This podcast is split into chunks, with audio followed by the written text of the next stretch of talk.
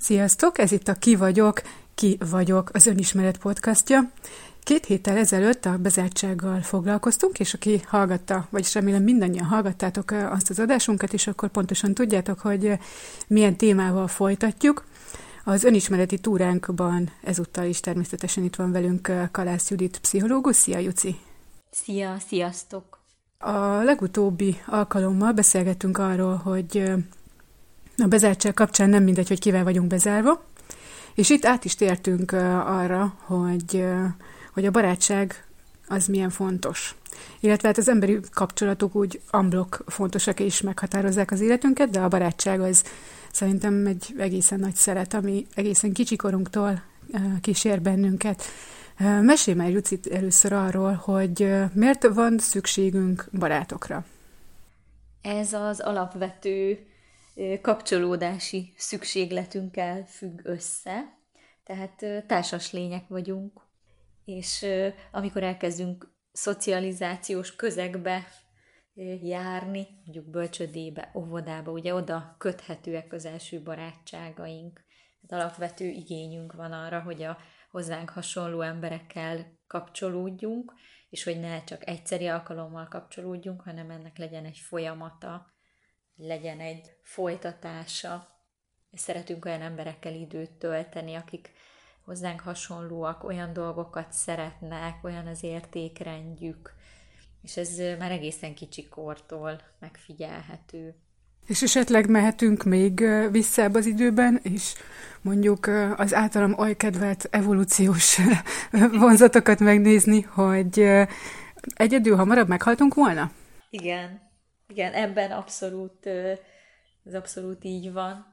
Tehát azért is vagyunk társas lények, mert így tudtunk hatékonyan túlélni az évezredek során. És ez valószínűleg így maradt meg, vagy így adódott tovább a jelenkorba. Itt már egy kicsit röviden említetted, de beszéljük már azt egy kicsit ki, hogy mi alapján választunk barátot, mi, mi alapján kerülünk közel valakihez.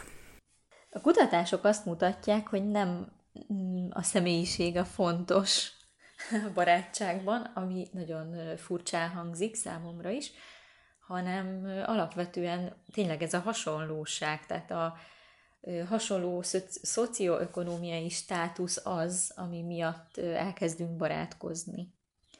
Mert hogy hasonló környezetből, hasonló anyagi háttérrel jövünk, hasonló érdeklődési körrel, értékrenddel, jó eséllyel, ugye, ha mondjuk nem tudom, a 90-es évek lakótelepén nőttünk föl, akkor jó eséllyel nagyon hasonló dolgokat éltünk meg.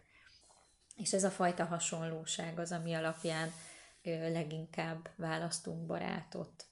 De így, hogyha, hogyha körülmények azok inkább mérvadóak, akkor létezik olyan, hogy örök barátság? Hiszen, hogyha mindig változnak a körülményeink, akkor mi is változunk, és akkor az igényeink is változnak? Létezik, vagyis létezhet örök barátság. Azt mondják, hogy az örök barátság az velünk kell változzon, tehát ebben is valami fajta rugalmasság, folytonosság jó, hogyha van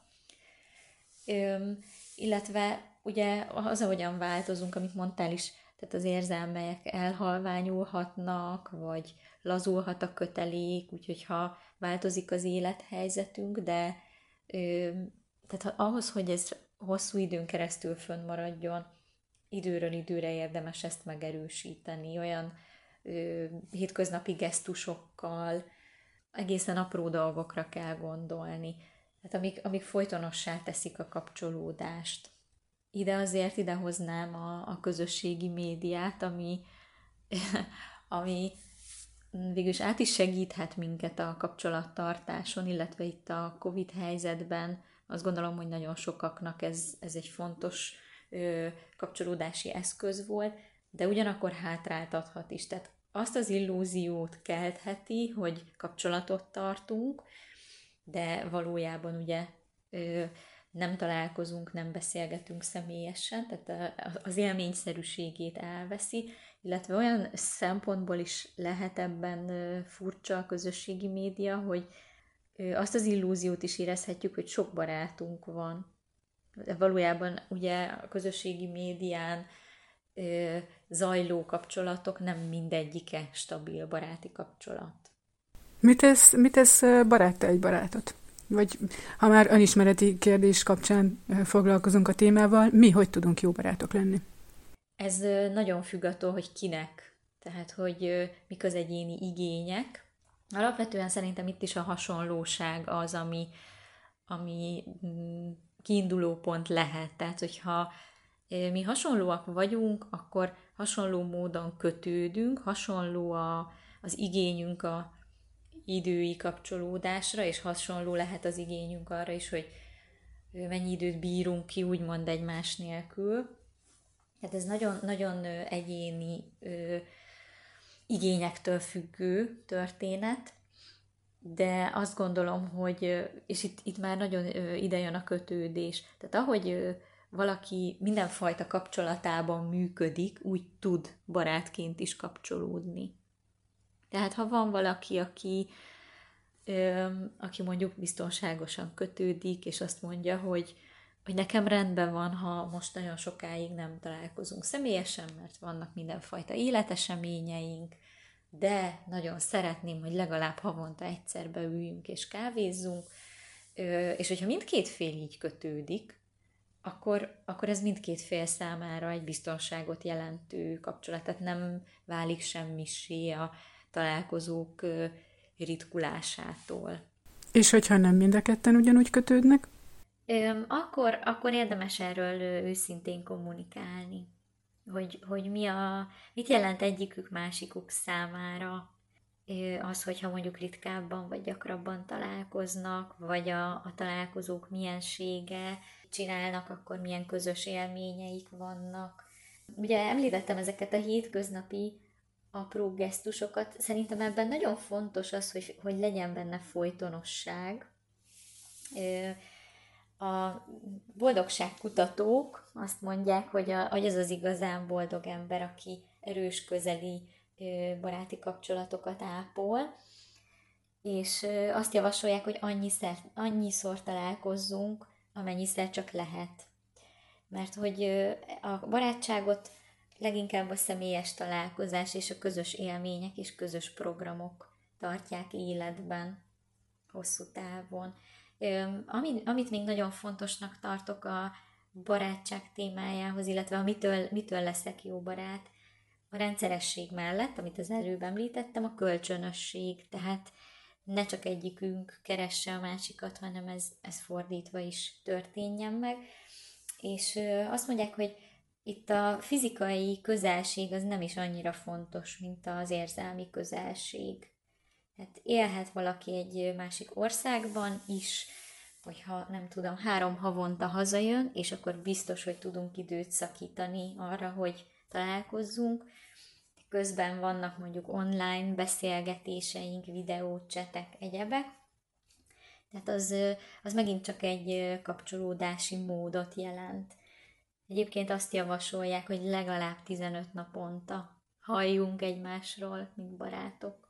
Éppen ezen gondolkoztam, hogy nekem vannak ö, olyan ö, abszolút barátomnak mondhatom ö, emberek, akik ö, Budapesten laknak, igazából már gyakorlatilag semmilyen kötődésük nincsen ide Miskolcra, és nyilván nem is gyakran beszélünk, meg nem is gyakran találkozunk, de, de amikor találkozunk, akkor mindig olyan, mintha onnan folytatnánk ahol, ahol legutóbb abba hagytuk, akár egy év, akár két év, vagy bármennyi telik el. Viszont van olyan, aki meg, aki meg abszolút közel van, abszolút megvan minden lehetőség, és mégis még sincs meg a kötődés.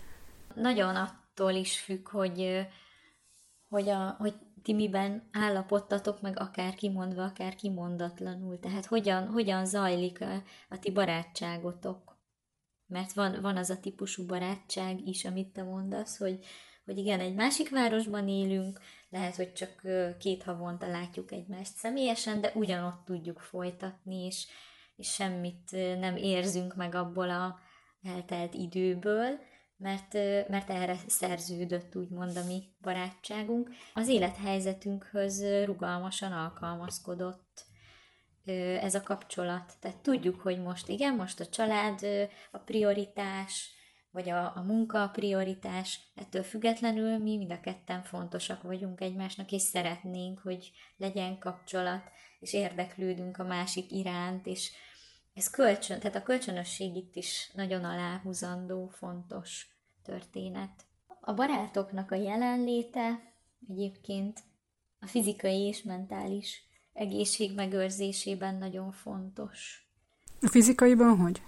A társas támasz az annyira pozitívan hat az emberekre, hogy kutatták ezt is, hogy akik felépülő, azt hiszem, hogy szívérrendszeri betegek voltak, és akik mellett volt családi kapcsolat, vagy baráti kapcsolat, aki mondjuk rendszeresen látogatta a kórházban, sokkal jobban javultak az eredményeik. Tehát ez, ez mérhető.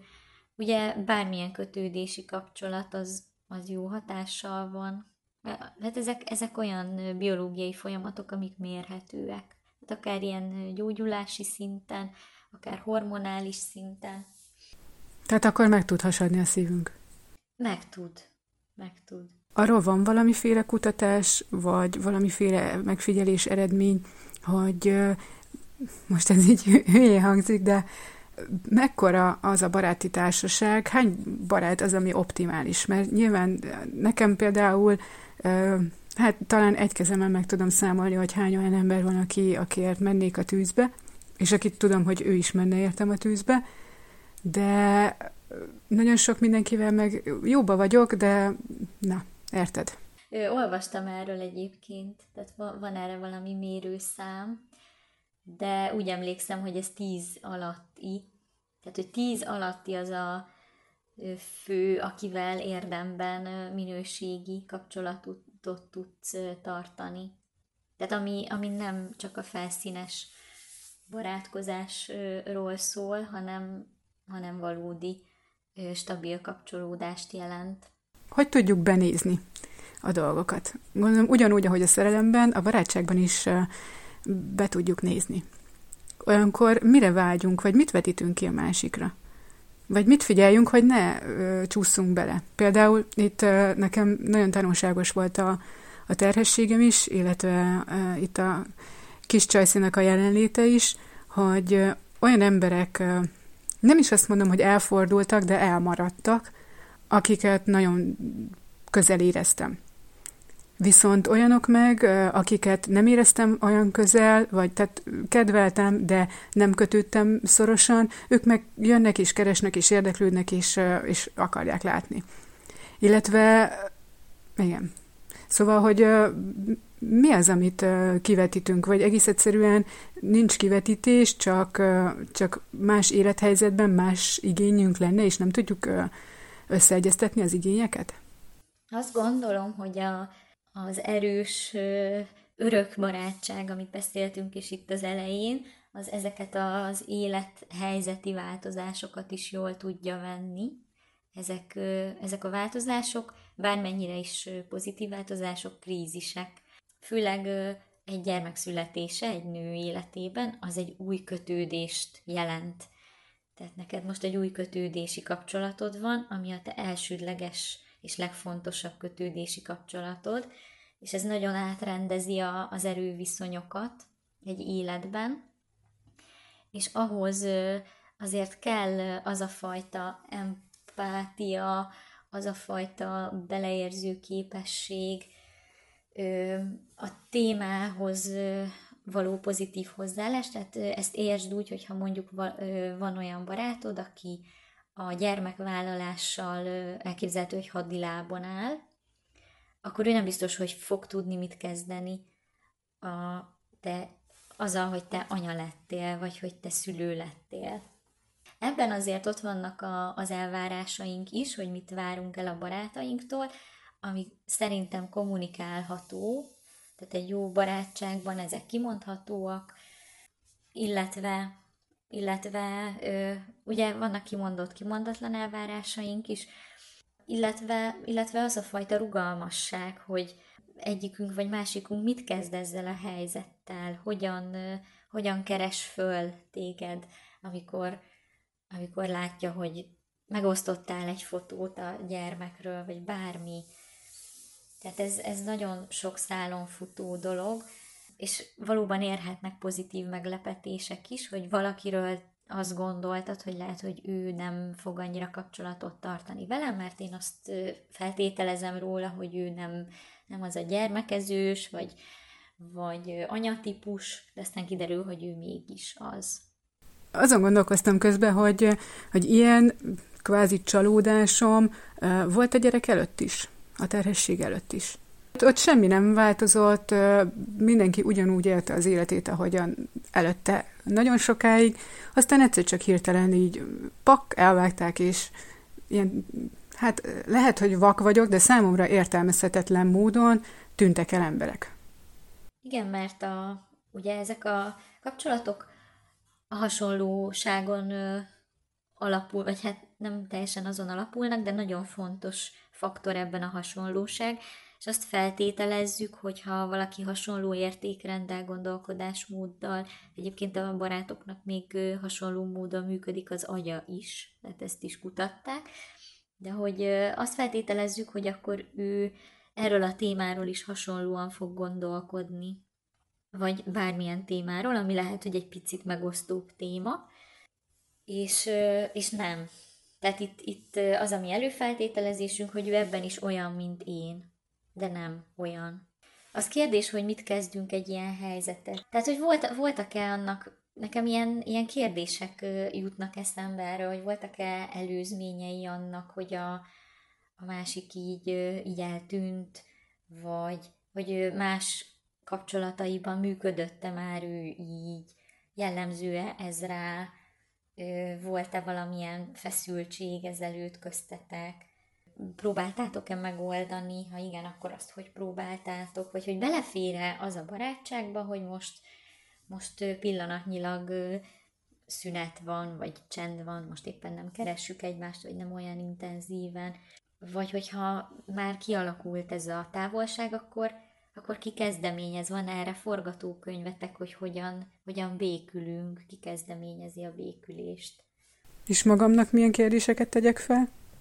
hogy számodra mennyire nélkülözhetetlen ez a barátság. Te, te mit tennél másképp, te mit tettél bele. Tehát itt igen, itt is nagyon fontos az önreflexió, meg az önismeret. Mi van akkor, hogyha valaki, például mondjuk már beszéltünk rólam, akkor beszéljünk egy kicsit rólad is, hogy te a barátaidhoz gondolom barátként viszonyulsz, amellett, hogy segítő vagy. De mi van akkor, ha valamelyik barátodnak a segítő segítségedre van szüksége? Elküldöd valakihez, vagy átkapcsolsz, vagy e, ketté tudod választani, vagy hogy megy ez? Mindenképp ketté, ketté kell választani. Éppen a, az egyik nagyon régi barátommal beszéltem erről egy pár napja, hogy, és pont ezen gondolkodtam el, hogy előbb volt, tehát hogy a, a barátságaim többsége a privát énemet ismeri, és mondjuk együtt nőttünk fel, vagy, vagy nem tudom, egyetemről ismerjük egymást, tehát hogy adott volt az én személyiségem, amire aztán jött az én szakmai személyiségem. Tehát a barátaim többségének én Juci vagyok, és nem, nem egy segítő szakember és pszichológus, és azt gondolom, hogy ezt külön is kell választani. Az, hogy van nekem egy plusz szakmai tudásom, az egy jó plusz ilyen tartozék, vagy felszereltség, de a barátaimnak nem tudok hatékonyan segíteni, éppen amiatt a objektivitás hiánya miatt, ami ebben a szakmában szükségeltetik ahhoz, hogy, hogy igazán jó segítője tudjak valakinek lenni. És a, barátaim többsége ezt jól, jól látja, tehát hogy ebben nem kellett úgy különösebben határokat szabnom, mert pontosan emiatt is, hogy, hogy ők a pszichológus vállás előttről ismertek engem, így ez nem volt igazából téma. azt gondolom, hogy nagyon kevés, vagy szinte nincs is olyan barátság, amiben ez így kérdésként felvetődik, hogy én most egy ebben barátként vagy segítőként vagyok jelen.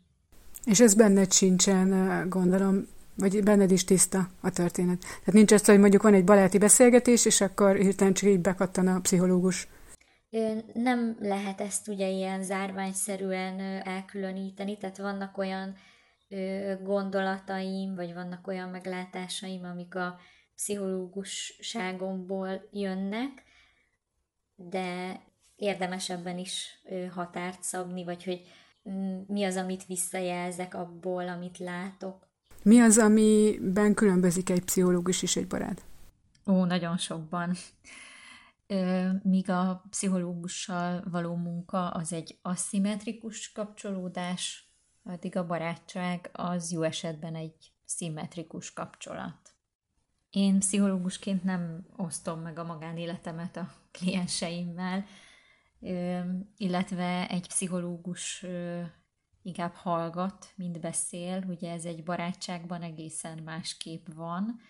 Ott kölcsönösen meghallgatjuk egymást. Egy pszichológus nem ad tanácsot, egy baráttal ellentétben, illetve hát abban segít, hogy te a saját legjobb megoldási utadat találd meg. Egy pszichológusnál teljesen őszinte lehetsz, és nem kell aggódnod amiatt, hogy esetleg valakit megbántasz vele. A barátságban ez nincs így? A barátságban elképzelhető, hogy nincs így.